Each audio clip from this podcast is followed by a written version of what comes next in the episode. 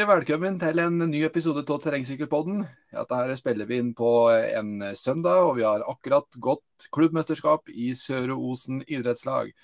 Det var, eh, det var hardt, det, var det ikke det, Erlend? Vanvittig hardt, vet du. I vår alder så bør man kanskje ikke drive på sånn, eller hva, hva tror du?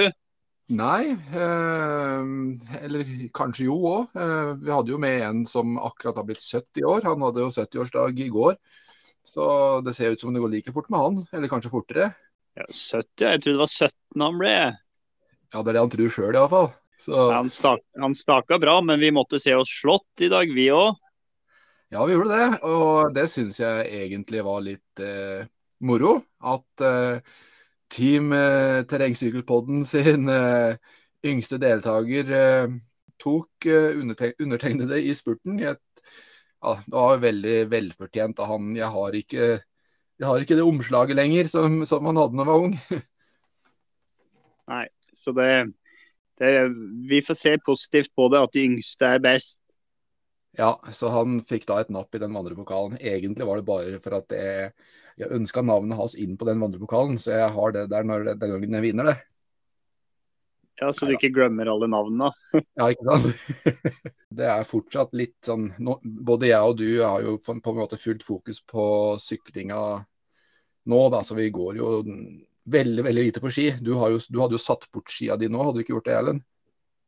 Jeg har ikke rørt skia siden Birkebeinerrennet. Nå er det fullt fokus på sykling, og da har jeg ikke noe veldig mye skiøkter etter Birken, altså. Nei, jeg har vel hatt en skiøkt sammen med fattern på 70-årsdagen hans, for da det hadde satte han veldig pris på, da. Ellers har ikke jeg gått noe på ski heller eh, siden Birken. Så det er fokus på sykling, og, og det er jo sånn det skal være når, når det er syklist man egentlig er. Så da er vel det helt naturlig, det. Absolutt. og det, det er mange som er ivrige på sykkelen om dagen. Og det er artig å følge med på en del av de norske ja, både juniorer og elite da, som er i utlandet og konkurrerer den helga her, blant annet. Da. Vi hadde to fra det teamet som vi har hatt Vi har hatt noen prat med han uh, William, teamet hans. Der har de ja. jo deltatt både i Danmark og i Italia den helga her. Og ja. hun Lisa, Kristine gjorde, den kvinnelige juniorsyklisten. Hun eh, sykler inn til niendeplass i, i eh, Marlene Syd-Tirol Sunshine Race. Ja, det er bra. Så det var, det var bra. Og på herresiden, da, der uh, klarte han Sivert Ekroll å sykle inn til 19.-plass. Vinneren i juniorklassa der var han Paul Magnier, som vi husker at kom bak plassen til han Martin uh, Farstadvold i eh, Ja, det var vel forrige ritt. Så da ser vi nivået der, da. Eller ellers så var det også en Brage Bakken da, som sykla inn til en 59.-plass eh, i Syd-Tyrol. Marlene Syd-Tyrol Sunshine Race. Og hvis ja. vi går raskt over til Danmark, så har de vært og sykla der i dag. Hvis jeg skjønner det riktig, så har vel både NTG og det teamet til de to Williamene da, vært og sykla der nede. Og imponerende. William Høynes Larsen syklet en uh, pallplassering, tredjeplass. Ja, slått, av slått av to dansker. Og det er på MTB på Kolding, det her, da. XIO-løp. Ja. På syvendeplass William Handley. Og ellevteplass Falk Håkenstad Bråten og Preben Brønstad på 15.-plass. Det var i eliteklassa da, på det, det rundbanerittet i Kolding. Ja, Det var i Danmark, ikke sant? Ja, i Danmark. Det var i dag. Og hvis ja. vi går over til eh, Det kalles vel U19-klassen da, der i Danmark.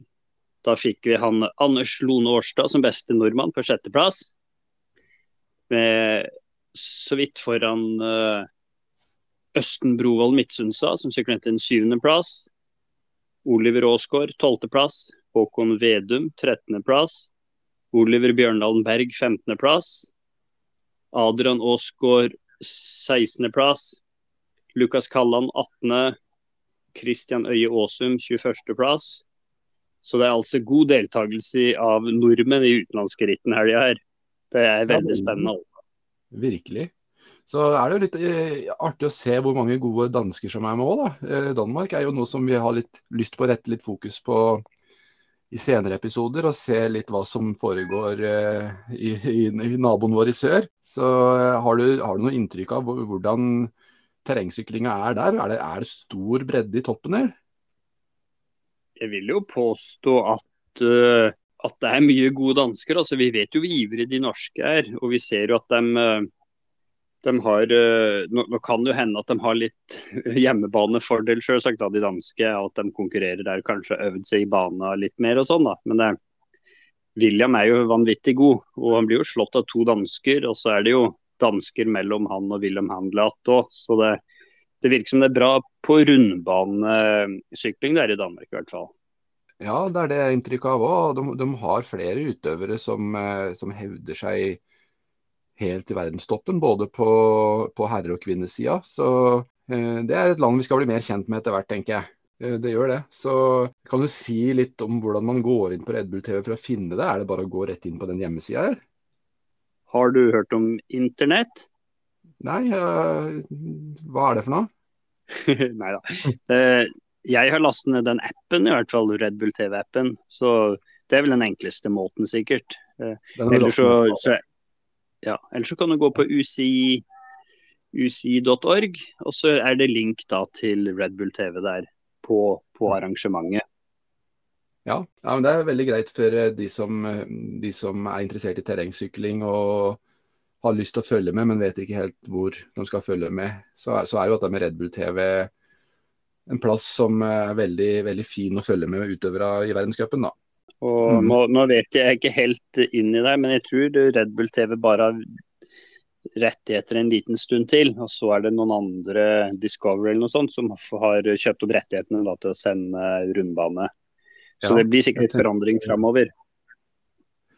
Jeg tenkte kanskje vi skulle prøvd å kjøpt noen rettigheter der, ja. ja ja. Det er jo bare å filme med mobilen.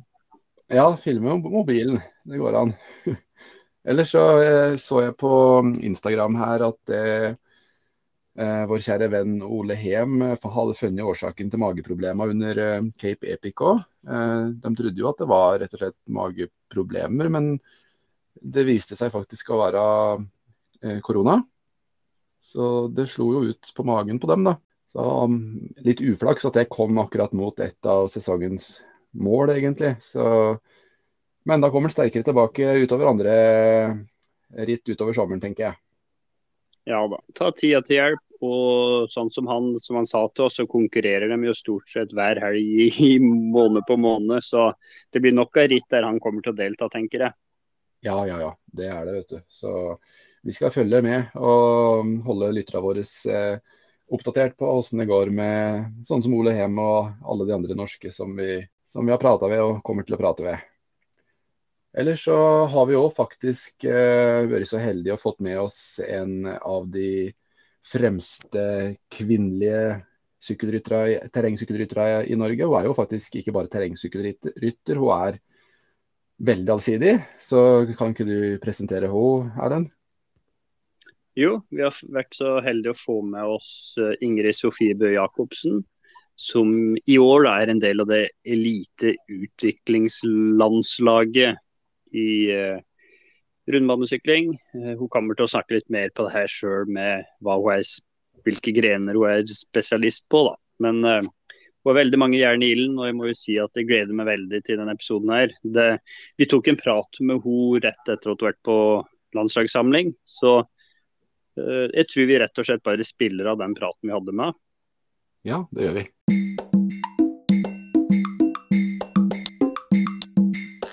Kan ikke du bare fortelle litt hvor du har vært på samling nå, og med hvem og osv.? Eh, ja, vi har vært eh, på samling med hele terrenglandslaget. Både eh, junior, U23 elite, utviklingslandslag og worldcuplandslag. Det er vel de to, to forskjellige laga. Alle mann alle. To gode økter på torsdag med fokus på teknikk. Og felles hardøkt i dag. Så det har vært veldig, veldig gøy. Fin gjeng, eh, fin gjeng sammen. Det er jo mye av mye av altså, utviklinga på en måte skjer jo at man, ja, med at man får lov til å trene sammen og, og bli bedre sammen og, og, prøve seg opp mot hverandre, også på trening. Så det har vi, det har vi virkelig fått dratt nytte av nå de, de tre dagene her. Da. Så det har, vært, det har vært veldig gøy. Ja. Stemmer det at du er en del av det utviklingslaget Elite, eller? Ja, stemmer. Stemmer, stemmer. Er det noe du har valgt sjøl, på en måte, eller hvordan fungerer den inndelinga i forhold til Jeg tenkte på å si du har ganske bra resultater, da. Ja, ja, at du ikke var på verdenscuplaget. Eh, helt ærlig, eh, så jeg ble jo Jeg fødte jo i eh, 2020. Og ja, så var det ikke så veldig mye ritt i 2020, så jeg kjørte bare ett et, et, sånn norgescupritt, og så kjørte jeg ett maratonritt, men det, det, blir liksom ikke det samme. Uh, så, så, ser man bort fra de to ritta der, så hadde jeg jo da ingen ingen resultater å, å, vise til fra liksom før 2019, da. Eller ikke Det nyeste var fra 2019. Eh, og jeg skjønner at man ikke blir tatt ut på noe elitelandslag på bakgrunn av det. Eh, og så hadde du sesongen i fjor hvor jeg, jeg eh, føler jeg kom meg ganske bra tilbake. Eh, kjørte godt eh, sånn eh, innad i Norge, men pga. veldig veldig trøblete eller mye reiserestriksjoner, rett og slett. da. Og vanskelig å ta med seg han minstemann eh, ut, ut, av Norge. For han er jo ikke koronavaksinert og bla, bla, bla. Så var det, det var ikke hensiktsmessig for meg å kjøre i utlandet. Og da fikk jeg jo heller ikke testa meg mot de beste. Og Eh, med det i bakhånd så forstår jeg jo landslaget sin avgjørelse med å ikke sette meg på eh, World Cup-landslaget. Sjøl om det absolutt er målet å komme dit i løpet av sesongen. Og det, det vet jeg, de også. ja, for du, du, ble vel nummer eh, Fikk ikke en førsteplass og en andreplass i NM i fjor? Fjor sommer? Jo. Nei, eh, første og tredje. Første og tredje var det kanskje. Men det er kort, kortbane eller sprint som du tok gull i, var det det? Eh, kortbane.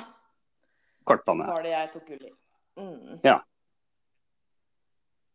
For det er vel det du er spesialisert innen, hvis jeg har lest eh, riktig ja. deg? Ja, nei da. Eh, det er, det er mange grener innenfor terreng, gitt. Så det er ikke Det er ikke Ja, den er, den er litt innvikla. Kort mellom den grenen som heter sprint, og den grenen som heter rundbane. Sprint er eh, mer eller mindre en tro kopi av det vi kjenner fra sprint langrenn. Eh, med prolog, eh, kvalifisering går videre eh, gjennom hit fram til en finale. Eh, kortbane er en eh, kortvariant av den olympiske grenen rundbane. Som, som, har mye mindre, kortere konkurransetid. Ikke like teknisk, men mye mer fart da, og, og, og svinger og tøff, jevn fighting i kanskje ja, konkurransetida nå internasjonalt ligger på mellom 20 og 30 minutter. Og så er det da rundbane, da, som er den olympiske grenen, eller eneste olympiske grenen, eh, som konkurransetida er ja, et 20, kanskje opp mot halvannen time. Eh, med den, ja, som på norsk rundbane. Cross country olympic. Og jeg kjører jo alle tre, men der jeg har best resultater internasjonalt, er fra den som heter sprint. Ja. Og det var der du vant verdenscupen i 2018, var det det? Det er helt riktig. Og det er der jeg har to VM-medaljer fra. Ja. Mm. Hva, hva, hva, er det som gjør at du er veldig god i sprint, da? Eller at du har valgt det liksom som Ja. Uh, nei, jeg er jo rask. Og det har jeg jo fått, uh, fått erfare, holdt jeg på å si. At jeg har vært, jeg har vært god på korte distanser fra, fra tidlig av og har, eh, er, er, sterk og klarer å, klarer å, ta ut det på kort, kort tid når det trengs. Eh, så det er eh, Kjørte mange år hvor jeg desidert Altså har, har alltid kjørt både kortere og lengre distanser, men har jo da uten tvil hatt beste resultater på sprint. Og så har det ikke snudd, men lysta da, til å kjøre litt lengre distanser også, og fokusere mer på det har kommet litt mer eh, de siste åra. Det, eh, det, er veldig gøy å få lov til å være en del av det her World Cup-sirkuset, da, som er på, på rundbane og, og, nå kortbane. Eh, som sprint var en del av før, men som har liksom blitt skilt ut som en egen gren og har en egen verdenscup eh, helt separert fra det andre. Og det er, eh, er ikke like, det er ikke like liksom ståhei, hvis det går an å bruke det ordet. Det er litt uh, Det får ikke like, like mye publisitet, og det er, det er rett og slett ja, nei, jeg, ser, jeg syns det er veldig veldig gøy å få lov til å være med på det, det som er rundbane og, og, kortbane. Per nå så er det liksom det som har fått mest fokus. Men jeg kjører jo da som sagt fortsatt alle, alle grenene. Ja. Det ser ut som du sykla noen landevei i fjor òg? Ja, det var litt sånn comeback på landeveien etter, etter mange år. Eh, kjørte jo både landevei og terreng eh, parallelt helt til jeg var første av første eller andre års senior. Eh, så har, var jo på landslaget både på landevei og terreng som junior. Eh, og hadde det veldig, veldig gøy med det. Men, eh, men fant ut at det er I hvert fall for min egen del så syns jeg det er mye mer spennende og variert og, og gøy, rett og slett, å få lov til å kjøre, kjøre i skauen. Det er en sånn mestringsfølelse og, og adrenalinkick og, og, og, moro som jeg ikke helt klarer å få på asfalten. Sjøl om jeg digger eh, det her feltkjøringa og gateritt og opptrekk og lagsamarbeid og sånn, syns jeg er kjempe, kjempemorsomt. Det krever mange timer eh, asfalttråkking. Eh, og der kommer jeg litt til kort, for da vil jeg heller stikke til skogs. ja. Kan du ikke si litt hvordan du trener eh, nå til dags, da? Nå som du er en del av landslaget og har du passert 30, stemmer det? Ja, så vidt. Ja. ja. Jeg trenger ikke å snakke om det, altså. Men, men du er i jobb òg, er du ikke det? Jeg har fylt 30 og er uh, egentlig ganske trygg på det, så det er ingen fare. Akkurat uh, den biten kjenner jeg. Ja. Har eh, Nei, altså, det er klart vi er ikke, det er ikke så altså, Til nå i hvert fall, da, så er det ikke så, så tett oppfølging fra landslaget på de som er på den utviklingsdelen. Det har jo litt med kapasitet og økonomi fra landslaget sin side også. Men men sparrer jo med Eddie når det trengs justeringer på trening. Og har, med unntak av et par sykdomsperioder i løpet av høsten, Uh, som jo uh, hele Norge har hatt, tror jeg. Og så har du litt ekstra mye når du har da et barn i barnehagen. Da får du med deg mye rart hjem. um, så, så, med unntak av de periodene så har jeg fått til å trene ganske bra. Hatt, uh, hatt en relativt grei mengde, altså fått til en del timer. I tillegg til å ha fokus på å kjøre gode, gode spesifikke intervalløkter da, for å få det likt opp mot konkurransesituasjonen eller det som kan eh, ja, være litt sånn simulering inn mot, eh, inn mot rundbanegrenen, da. Trener du på rulle, eller er det noe ute? Eh, ja, jeg er jo fra Halden og bor i Halden, eh, så vi har ikke veldig, veldig mye snø. Som regel så har vi sånn Ja, jeg tror vi hadde kanskje to uker i år hvor det var uh, godt skiføre. Så det er uh, alltid mulighet for helårssykling her. Eh, det er, det er, det så absolutt. Men, eh, men kjører mye på rulle også, ja. Det er eh, Jeg syns det er litt Jeg syns det er behagelig, rett og slett, å kunne kjøre hardøktene inne. Og heller ta eh, langturene ute. Det har litt med sånn skifte av tøy når du er ferdig, få på seg tørt, alt det her. Så logistikken tilsier at det er veldig mye mer behagelig å kjøre, kjøre innendørs, rett og slett. Eh, I tillegg til at der, Eh, for min egen del, da, med en, en liten en, eh, en liten en hjemme, så er det veldig veldig enkelt for meg å kunne sette meg i kjelleren på, på treningsrommet etter at han har lagt seg. Eh, eller mens han sover formiddag, eller hva. Whatever. Eh, enn å måtte liksom finne noen til å passe han barnevakt, så skifte og så komme seg ut. Så det er både tidsbesparende og litt sånn passe inn i hverdagen for oss, da. Eh, når jeg fortsatt da vil satse på sykkel mens vi har, eh, mens vi har et barn også. Ja. Men eh, du var utdanna lærer, stemmer det? Ja, helt riktig. Ja. ja. Jobber du som lærer? Jeg jobber som lærer. Jeg jobber ikke fullt. av nevnte grunn. Jeg vil, jo, vil, jo, fortsatt kunne sykle og trene så mye som mulig. Og har liksom funnet en sånn eh, magisk grense. For jeg har gjort det her nå et par år. da. Jeg var ferdig utdanna i 2018 og fikk jobb, eh, fikk jobb direkte der, så jeg, det var jeg heldig med. Uh, og har nå funnet liksom en sånn magisk rundt en 40% stilling som jeg trives veldig, veldig godt med, og har det fordelt over tre dager, de 40 da. Og da, da, er det en arbeidsmengde som jeg klarer å håndtere ganske fint, i kombinasjon med både trening og reising. Og har en veldig forståelsesfull arbeidsgiver som, som gjør at jeg kan jobbe inn litt, eh, ta noen vikartimer, da. Og så får jeg lov til å avspasere tilsvarende når jeg, når jeg trenger det. Og det, det, har fungert veldig bra nå de siste, de siste åra. Eh, så håper jeg kan håper jeg kan fortsette med det litt til. Jeg må liksom ha noen eh, litt penger inn ved siden av når det er eh, en, en familie bak deg også som du helst skal brødfø litt. Grann.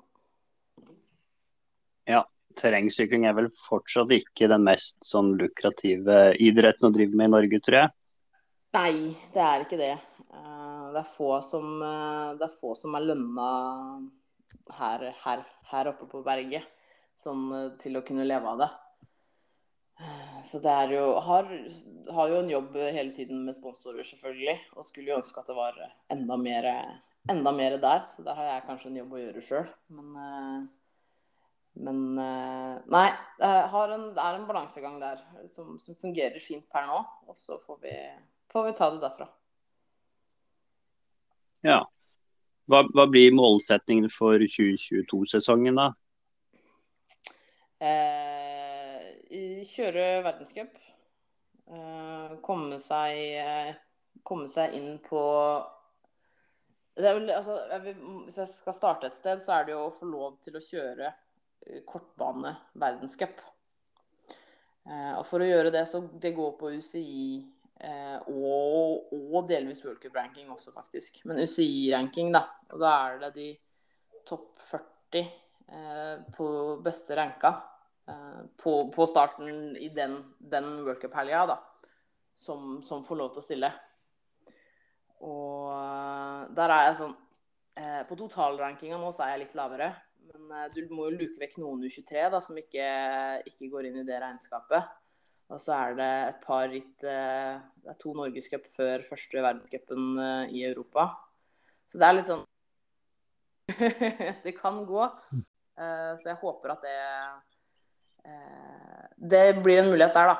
Også, og da kjører du jo da selvfølgelig også rundbaneverdenscupen, som er to dager senere. Eh, å kunne få til gode resultater der. Uten at jeg helt tør å tippe et altså resultatmål sånn i plassering. For det, det er veldig avhengig av hva, andre får til også, på en måte. Men at jeg kan, jeg kan gjennomføre godt nok da, til at jeg ikke er så langt bak de beste. Og så at jeg kan heve meg ytterligere inn mot neste sesong. At du ser fram mot Paris og sånn, har det som sånn langsiktig mål?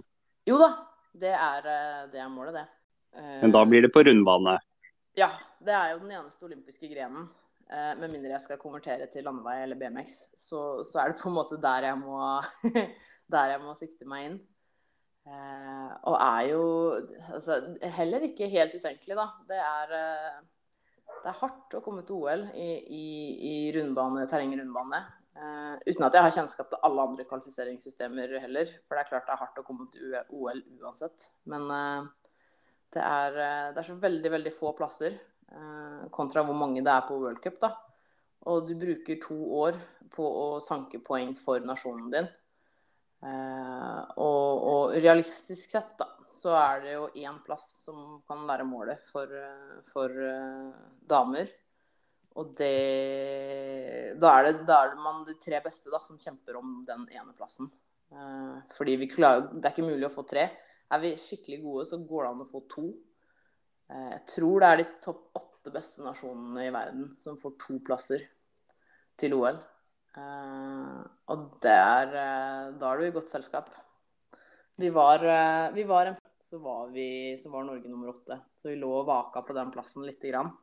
Da var jeg eh, Da var jeg faktisk stilt inn, eller innstilt eh, som nummer to på den lista bak Unvita. Men så var det litt sånn ja, halvveis poengsanking, da. Og det er klart Gunita sto jo for mesteparten av poengene, og så prøvde liksom jeg og en til å plukke der vi kunne. Men jeg fikk ikke nok poeng, og da er det jo én plass bare. Så den plassen hadde jo Gunn-Rita. Så det er Ja. brutalt, brutalt system og trangt nåløye. Men eh, det betyr ikke at man ikke skal prøve. Og det er, det er en reell sjanse for at Norge kan få én plass både på herresiden og damesiden eh, til Paris. Og det, det hadde vært veldig, veldig gøy. Ja, absolutt. Hva, hva tror du skal til for å få kortbane som en olympisk gren? da? Eh, det ble jo jeg, jeg vet ikke helt. Det ble jo eh, foreslått allerede inn mot Rio eh, i 2016. Og IOC var jo på inspeksjon på en verdenscupsprint i Novo Mesto i 2014. For å liksom se på hva, hva er det her, for å kunne vurdere hva som liksom trengs. Og, og det, det her var sprintgrenen, da, ikke kortbane. Eh, og, og fasiten der er jo at det trengs veldig veldig lite av en stadion. Den lages jo ofte i bynære strøk, og det er en løype som, som tilhører en gren som Altså du har en stadion til en allerede innarbeida olympisk gren, da, for du er jo på samme sted som, som rundbanen gjennomføres. Så det kreves ikke så mye. Så IOC var positivt innstilt til det. Eh, men sa at de ville ikke dele ut noen flere medaljer til sykkel. Så skulle det bli en realitet, så måtte man for på en måte Eller da måtte man f.eks.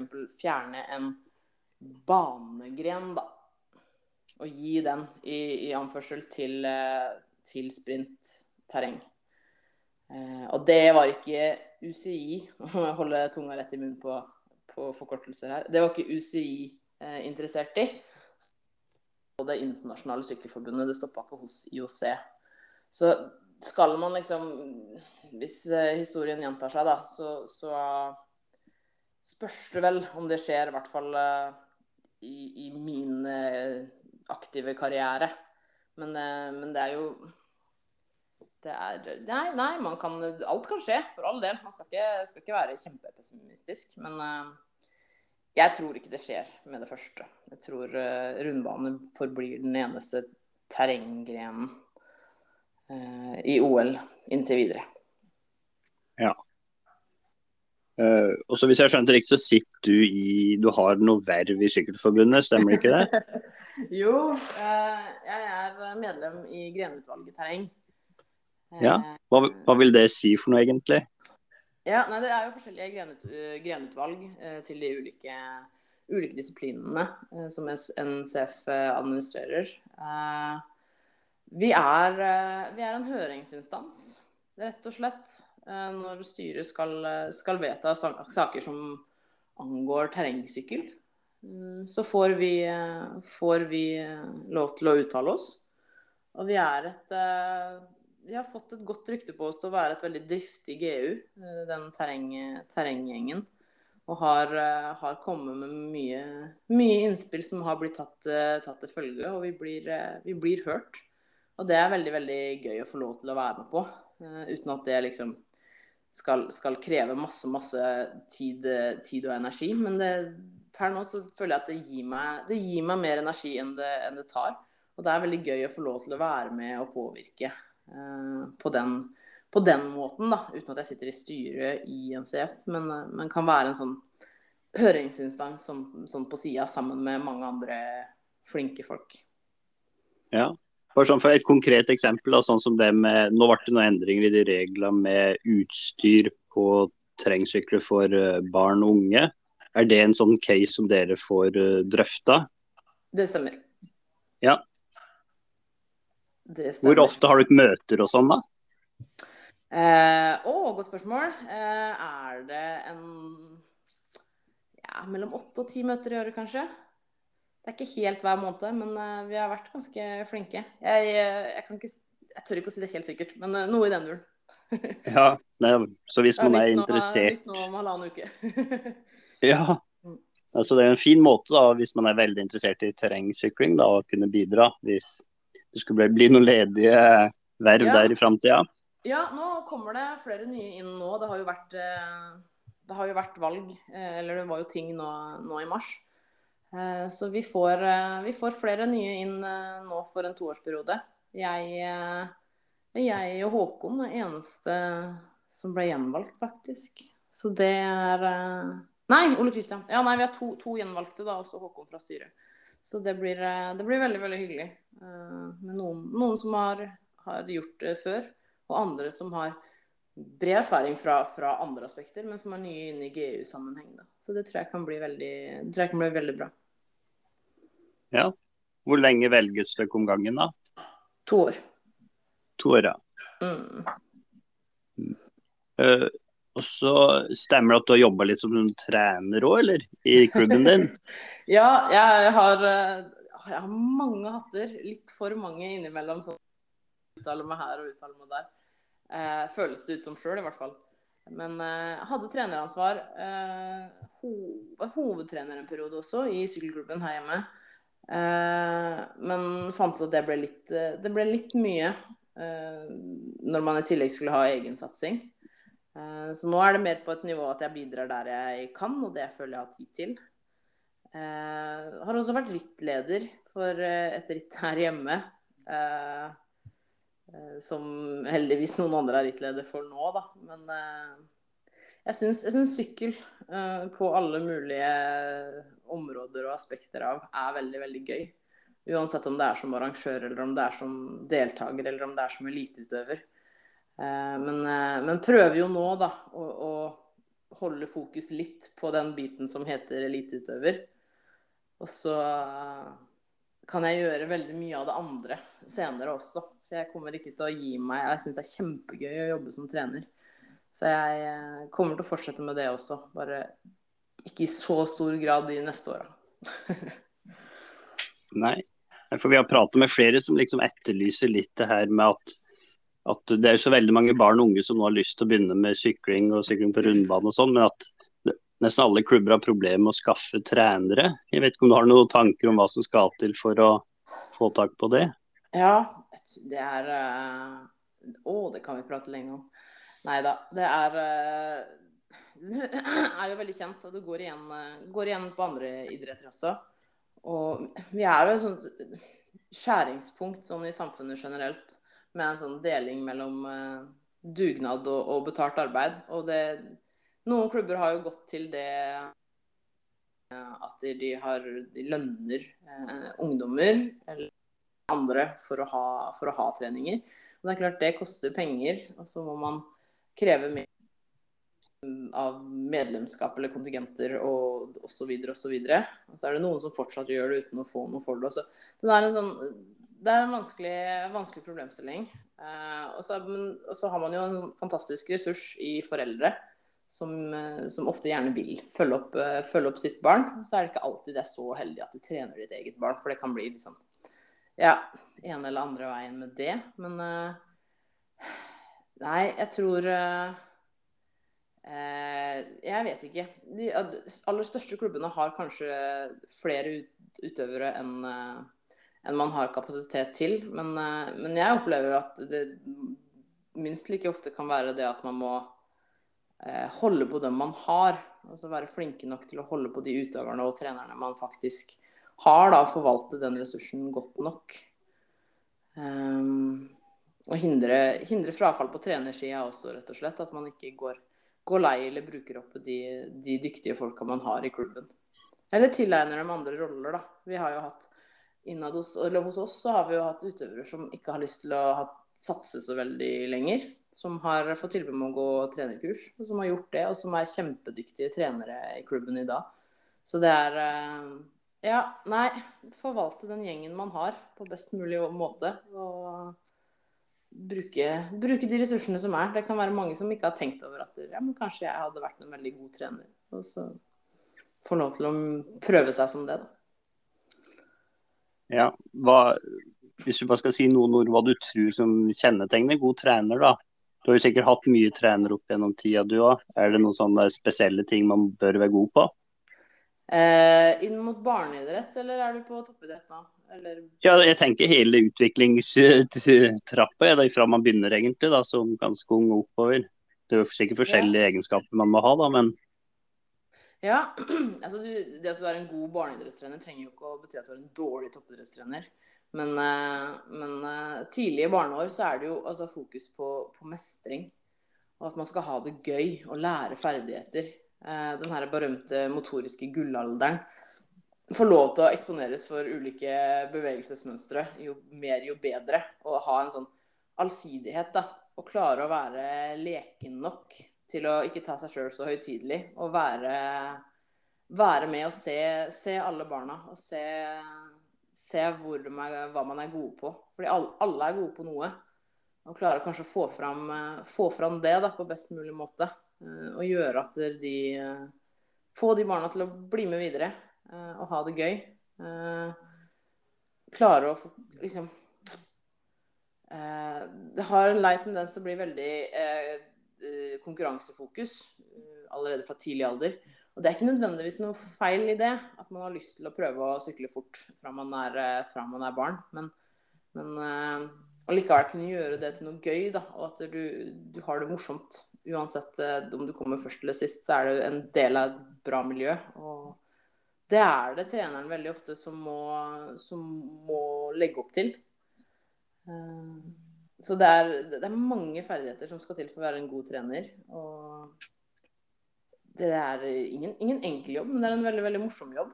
Og man, eh, man gror jo litt underveis også, så man utvikler seg jo som trener òg. Eh, så er det klart at noen følger, følger barna til de blir, eh, til de blir Altså, du trener den samme treningsgruppa, så vokser du med dem. Så nå trener du plutselig 15-16-åringer, og så trener du juniorer, og så er du plutselig trener for en elitegruppe. Uh, og det, det, krever jo litt mer eh, fokus på systematisk trening, selvfølgelig, når du, når du blir litt eldre. Skal du, ha, skal du, heve deg resultatmessig, så må du kanskje ta litt grep som du ikke har trengt å tenke over på tidligere stadie. Og det er jo ting som da må gjøres i samsvar med en trener. Du må jo spare, spare med utøveren. Er, hvilke tanker er det man faktisk Hvor er det man vil? Eh, med treninga. For man kan ha det kjempegøy uten å bli, uten å bli verdensmester, men fortsatt ha et godt forhold til en trener som er med og hjelper deg uh, Altså ta merke i Birken, da. Hvis det, er, uh, hvis det er målet, så er jo det kjempeknakende godt treningsmål i seg sjøl. Som man må Ja, som man kan tilpasse en treningsmengde til. Da. Og da er jo en trener en veldig, veldig god eh, sparringspartner og person på utsida av sitt eget hode som kan, eh, som kan være med å gjøre noen eh, vurderinger da, og ta noen avgjørelser sammen med utøveren. Jeg vet ikke om det var svar på spørsmålet, men eh... Jo da, jo da. ja, det er bare interessert i å høre litt hva du tenkte om det. det... Ja, akkurat det her syns jeg er veldig gøy, så det kan, kunne jeg prata lenge om. Litt kjedelig å høre ja. på meg sjøl i lengden, bare. Nei, Vi prata med Martin Farstavold her i går, eller noe sånt, som du sikkert kjenner. Ja, han var med på samlinga, han også. Ja, og han hadde jo hatt samme trener siden han var åtte-ni år, sa han, og det var far hans. ja, ikke sant. Ja, som hadde trent den gjengen da, fra den klubben. Så mm. det var helt tilfeldig, men han hadde visst gjort en god jobb, da. ja, og det, det er jo det mange gjør også, men da må man bare altså, være klar over sin egen rolle. da, at nå, nå, nå, følger jo jeg Nå utvikler jeg meg sammen med, sammen med treningsgruppa mi. Og så søke, søke informasjon. Da. Ny kunnskap uh, for å kunne få gutta, gutta sin utvikling. Og, og, jentene, forhåpentligvis at det er noen jenter der òg, da. Men uh, det Ja. Nei, det er spennende. Har du noen sånne gode tips til mosjonister hvis de ønsker å bli hakket bedre i rundbanesykling, da f.eks.? Hvordan man skal legge opp den treninga. Og da tenker vi at man har sykla litt fra før, da, men har lyst til å bli litt bedre teknisk. Hvordan ville du liksom ha tenkt et treningsopplegg rundt det? Ja, du sa, du, du sa egentlig det jeg hadde tenkt uh, sjøl. For det er klart, de aller fleste mosjonister har liksom eh, disponerer på en måte nok tid, eller trener innenfor liksom sin, sin gitt ramme. da, At jeg har som mål å trene så og så mye i løpet av en uke. Så det, så, så, eh, det fysiske er, er, ikke alltid noe problem. Men det er som du sier, da, at eh, det tekniske kan være der det, der det stopper eh, litt for mange. så da er, det, da er det jo der man må, man må trene. For det er klart, med enkle, enkle grep, på en måte, da, så kan man heve seg, heve seg betraktelig eh, til Ja, kan, i hvert fall innenfor en type sportsklasse, da. Så er det mye mye å gå på der. Eh, så fokus på teknikk. Hvordan gjøre det? Eh, for ja eh, Skal jeg snakke for min egen del, så tror jeg, eller ut ifra mitt eget ståsted, så tror jeg veldig, veldig, veldig mye, og det er det mange som glemmer, går på helt, helt grunnleggende basic teknikker. Type hvordan kjøre en sving så raskt som mulig, hvordan fokusere på eh, tyngdepunkt gjennom en sving. Hvordan eh, legge eller ikke legge sykkelen. Eh, hvilket ben skal du ha? Å, oh, den er vond. Hvilket ben skal du ha inn Skal du ta ned i en sving? Jeg lå bak en mann på ritt en gang som tok innerfoten ned i innersving. Jeg tenkte at nå, nå, nå krasjer vi alle sammen, og det her går ikke. Eh, så det er jo noen sånne noen sånne grunnleggende tekniske altså grunnprinsipper som ikke Kanskje man som voksen ikke har liksom tenkt over at ja, men selvfølgelig er det sånn det er. Men fordi ingen har fortalt det til deg, da, så du, tenker du ikke over det. Og så hører du at ja, men ta opp, innerste, ta opp innerfoten, da. Uansett om det er en høyre eller venstre sving. Legg press på ytterfot, få bedre festede dekka, lavere tyngdepunkt. Ja, selvfølgelig er det sånn det er. Eh, så litt tilbake til det grunnleggende. Eh, det må man eh, trenger vi som topputøvere å bli minnet på noen ganger også. Eh, hvordan klare å få med seg mest mulig fart på mest mulig økonomisk gjennom de ulike hindrene. Eh, og på rundbanen, da. Det er jo en veldig sånn Altså, det er jo ekstremvarianten.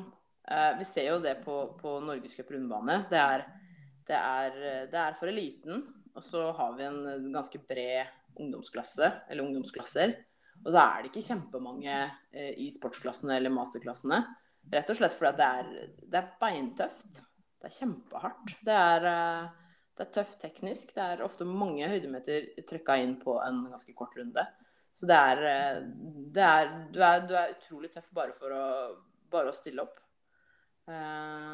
Så, så sånn, hvordan da komme seg gjennom løypa mest mulig effektivt, er jo ikke at skal, alle skal ligne på Nino Schulter eller Joganna Manef nødvendigvis. Men det er hvordan klarer du på mulig måte, best mulig måte å komme deg gjennom ut ifra ditt ståsted? Hva er det som er mest økonomisk for deg? Altså, hvordan bruker du dine krefter best mulig i løpet av de, eh, den drøye timen eller de 90 minuttene som konkurransen varer? Eh, det, noen ganger så er det rett og slett å innrømme at eh, jeg må kjøre B-sporet.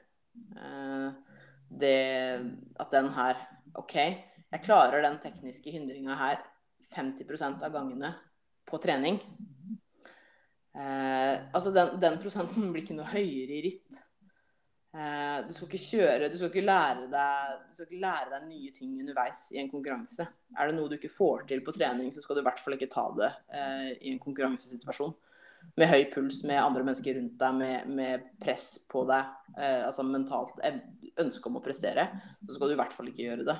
Så det er eh, å ha en plan ut ifra egne forutsetninger, ut ifra hva du, du, klarer, da, eh, tror jeg er vel så viktig som, som å, å, liksom eh, gønne på eller bare tørre å satse. At man har, eh, har mot nok da, til å se litt på seg sjøl og hva er det jeg, hva er det jeg, hva er det jeg er dårlig på? Kan jeg tjene noen sekunder her på å hoppe av sykkelen og løpe gjennom det tekniske, istedenfor at jeg klarer det tre ganger, men på den fjerde gangen så tryner jeg og taper 20 sekunder fordi at jeg blir liggende og kave.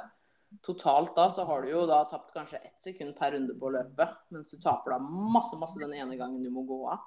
Så det er, eh, det er sånn sånne vurderinger som man kan bli en veldig mye bedre syklist på bare på, bare på litt bevisstgjøring. Um, I tillegg da så vil jeg slå I tillegg til det her jeg slår et slag for eh, grunnleggende teknikk. Altså eh, hoppe opp en fortauskant, hvordan flytte vekta, eh, kjøre en sving, oppbremsing før og etter eh, hinderet osv. osv. Ja, mye elementær trening, egentlig, da.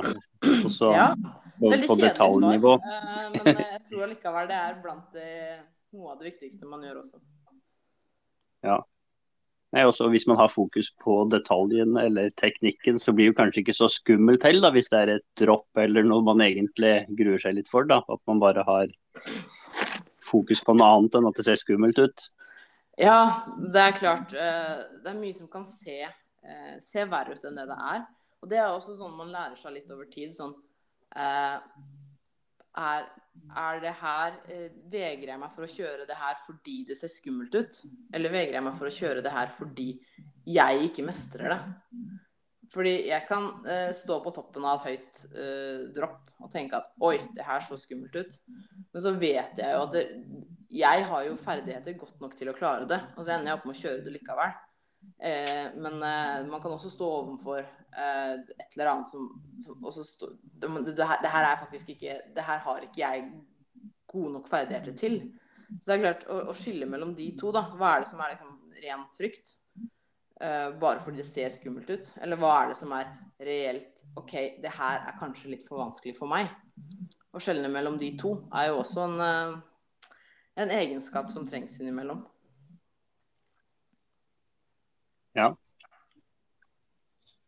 Eh, Jeg tenkte på Jeg vet ikke om jeg, du sa det i stad, men hva, hva var det som fikk deg til å begynne med sykling eh, til, til å begynne med, egentlig? Å, kjempetilfeldig. Eh, hadde to venninner som drev med det. Eh, og så var det vinterstid, og da hadde de sånn sånn alternativ trening, type gymsal, eh, gymtime eh, inne. Basis, hurtighet, løp, bla, bla, bla. Eh, og så skulle jeg feire vinterferie med, eh, eller ha vinterferie eh, sammen med hun ene. Uh, og så var det siste treninga før vinterferien, og så sier mamma at ja, men du, bli med på trening, da. Jeg hadde snakka om det, det syns du sikkert er gøy. Så har dere noe å prate om på ferien, og så blir det hyggelig. Så da ble jeg med, da. Uh, vinterstid, da drev vi jo ikke med sykling i det hele tatt engang. Men så syns jeg jo det var veldig veldig gøy. Og så kom vi ut, og så syns jeg jo sykkel ute var veldig veldig gøy. Hadde sykla et par ritt før det, da skal sies. Uh, sånn 10-11-åring så kjørte jeg sånn lokale ritt hjemme. Sånn, eh, vi har en sånn halv og Armark rittkarusell med, med, med et par eh, eller tre-fire ritt på vårparten. Dem kjørte jeg jo fra jeg var, eh, fra jeg var liten. Og, og uten å være liksom organisert noe sted, så syns jo det var veldig gøy. Men det er veldig, veldig veldig mye morsomt eh, av idrett var gøy. Som jeg fortsatt syns er gøy. men, men litt tilfeldig at jeg endte opp med sykkel. Har liksom bare Jeg begynte og aldri slutta. Du bare skjønte at du, at du trivdes med det, det var Men da begynte du med landeveissykling først, eller var det terreng Nei da, det var terreng helt først. Uh, Ja. veldig, veldig, jeg er veldig veldig tilhenger av at uh, man begynner på terreng. Uh, rett og slett for at der har man litt mer ofte litt mer fokus på de, den grunnleggende Eller BMX, for den saks skyld. Jeg skal ikke, skal ikke skyve vekk den, altså. For der er de også veldig veldig gode til den her grunnleggende sykkelteknikken. Eh, for å så ta for å så ta- steget videre til landevei. Eh, franskmennene har en sånn modell på det annet også. At de må, de må liksom gå gradene fra BMX-terreng til landevei. Eh, for å lære seg hvordan, hvordan håndtere en sykkel på best mulig måte. Da. Eh, så terrengsykkel først. Og så kombi landevei-terreng fra jeg var 13 til 19. Og så hovedsakelig terreng eh, etter det, da. Bortsett fra et sånt lite, lite hopp opp på landevei, tilbake på landeveien i, i fjor med, med NM lagtempo og, og Tour de Fjells. Vi, både jeg og Erlend, vi er jo på en måte eh, si veldig, veldig ivrige eh, terrengsykkelmosjonister. Og vi har, jo- på en måte tatt steget litt over til rundbanene òg. Så vi, vi begynte jo med det eh, egentlig i fjor sommer, så godt opp i åra. Og når vi da driver og kjører, så vi ser jo at vi henger med ganske bra oppoverbakke, men når vi kommer til nedoverkjøringer igjen, så, så på en måte da, da er vi helt sjanseløse i forhold til i forhold til unggutta og, og dem som driver med det her. Så, altså jeg satt og tenkte litt på det at det, det med grunnleggende teknikk som du snakka om, det, det er jo noe som sånne som oss ikke tenker så mye over. Vi bare, vi bare kjører. Mm. Så, så der har vi nok mye å lære, tenker jeg da. jeg, jeg, ler, for det høres veldig, det høres veldig gjenkjennelig ut. Det er eh, Det er Altså, man tenker at det er hva det, hva det jeg kan gjøre noe med. Jeg kan, fysikken, jeg kan trene mye. Det har jeg muligheten til. Men jo, man, kan, man, kan, jo i terreng særlig, da, så kan man jo tjene des, egentlig ganske mye bare på Altså hvordan disponere kreftene utfor. Uh, så det er uh, Nei, det, er, det høres, høres, veldig kjent ut. Ja. Det er, det er art, artig det å kunne kjøre ritt innimellom uh, hvor man ser liksom, sånn markant forskjell på de som kjører som er kjempesterke, men som sliter litt mer i det tekniske. Og så har du kanskje noen som er motsatt, da, som er dritgode tekniske, men som ikke eier kondis. Og så du, blir det en sånn herlig kamp, eh, fordi de gjør det jo bedre i ulike deler av løypa. Så det er morsomt. Mm. Ja, det er det. Og det er jo veldig, veldig moro. Og eh, vi skulle jo ønske at eh, terrengsyklinga fikk eh, mer medieoppmerksomhet. Vi da. Det var litt av bakgrunnen for at vi startet opp den podkasten her òg. Men hva tenker du som hva, hva, kan gjøres egentlig i Norge for at vi skal få, få til mer medieoppmerksomhet rundt terrengsykling? Oh, det er et godt uh, spørsmål. Og det, vi har jo sånn uh, Ja, diskuterer det jo i ulike foraer, holdt jeg på å si, fra tid til annen. Uh, og man ser jo det at der, Altså snu det på hodet, da. Innenfor de rammene som terrengsykkel har i Norge i dag, så har vi fått til egentlig ganske mye. Eh, veldig ekstremt lite mediedekning. Eh, middels eh, økonomi. Ikke, ja, under, under middels også. Den er ikke, det er ikke kjempe noe å hoppe i taket av akkurat der. Eh, så er det mye med, med få midler. Eh, så det skal man sånn Ja, skal vi være fornøyd med det, da? At ut ifra det vi har, så, så gjør vi det bra. Eh, men eh, man vil jo også likevel kunne, kunne mer, da. Vi syns jo Altså, vi sitter jo der midt i suppa som sånn supersubjektive, da, men syns jo eh, terrengsykling er veldig veldig morsomt og underholdende. Så hvordan liksom få flere til å, til å se det og synes det, eller mene det samme, er jo en utfordring. Men mye ligger jo på publisitet. Altså bare det å vite hva det er, og se hva det er hva det handler om, og at det er, eh, det er eh, Har jo måttet ta altså, veien om sånn Ja, hva er det du driver med? Jeg sykler. Ja, er det sånn som i Tour de France? Nei, jeg kjører i skauen. Eh, og så må man forklare sånn eh, Ja, sånn som Birkebeinerrittet. Eh, ja, for så vidt, men kortere distanse og mer teknisk. Har du hørt om Gunn-Rita Dale? Ja, er kanskje svaret da. Ja, samme som hun. Eh, ja. Det er da veien for hvordan forklare for en uh, nybegynner eller uh, total sportsfraværende, holdt jeg på å si, ikke interessert. Hvordan, hvordan forklare den? Og den, den, runden har jeg tatt noen ganger. ja, det, det, vil jeg tro. Det tror går igjen. Ja, tror du det er noe, noe, Kan det være noe idrettspolitisk grunn til det òg? Eh, ja, selvfølgelig. Ledende spørsmål.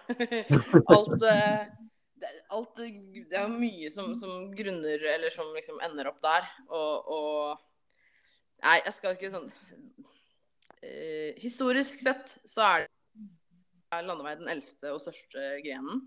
Og er jo det eh, eh, i og for seg ennå også.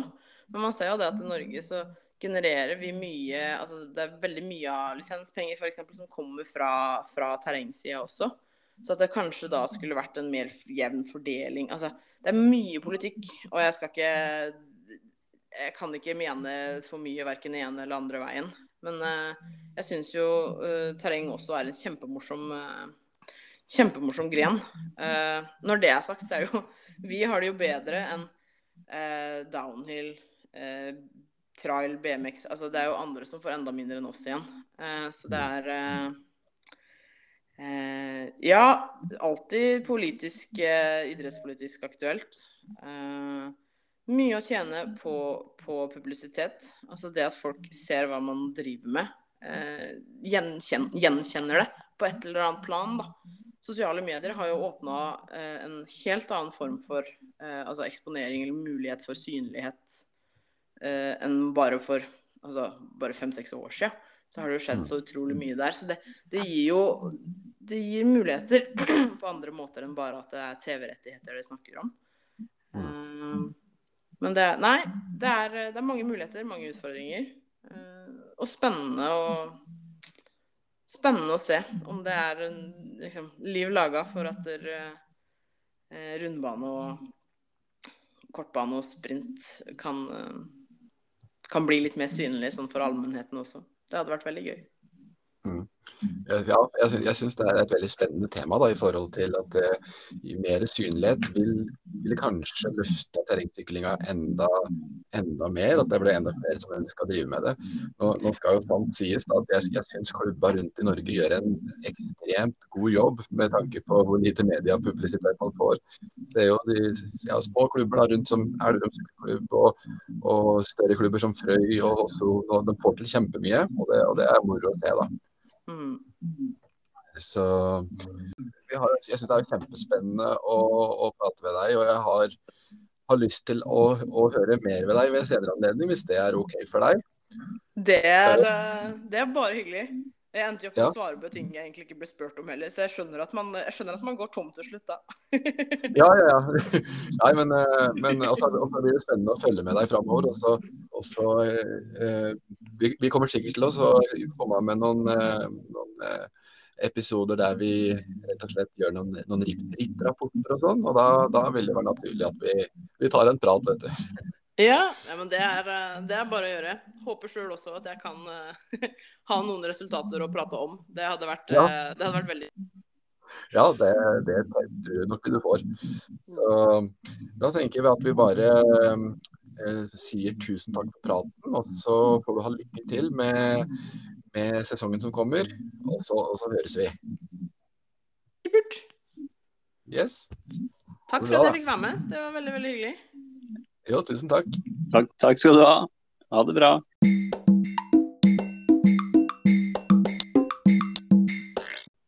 Nei, jeg må si at jeg er eh, utrolig imponert over måten hun får til å kombinere flere ting samtidig på. Hun er jo lærer, øh, har en, en, en stilling, 30% stilling der. Hun er mor og, og eh, kombinerer det sammen med toppidrettssatsing. Eh, så det, det, er helt rått, og det tror jeg på en måte er noe som mange kan se opp til. At det er faktisk mulig å, få, til, å få til den kombinasjonen. Du trenger ikke bare å være eh, drive med kun terrengsykling for å, for å gjøre det bra. Det er, det er, mulig å drive med andre ting, og det kan godt hende at det å ha flere ting at man, at man, holder på med flere ting, da, hjelper med å øke det mentale overskuddet når man først trener. At man ikke bare fokuserer på terrengsykling og har det i huet hele tida, men at man kobler av og fokuserer på andre ting, sånn som, eh, sånn som hun gjør. Og ikke bare det med at hun er, eh, hun, hun er en familiemor og en lærer, men hun er òg ekstremt engasjert innenfor uh, hva som rører seg i sykkelidretten. Og hun har uh, hun sitter ved høringsutvalget, er det ikke det det heter, innenfor uh, terrengsykling i Norges Sykkelforbund. Uh, og det krever jo sitt, det òg. Og, og det tar òg viser hvilket engasjement hun faktisk har for, for syklinga. Så jeg må si det var en veldig interessant person å prate ved. Så hva syns du, Erlend?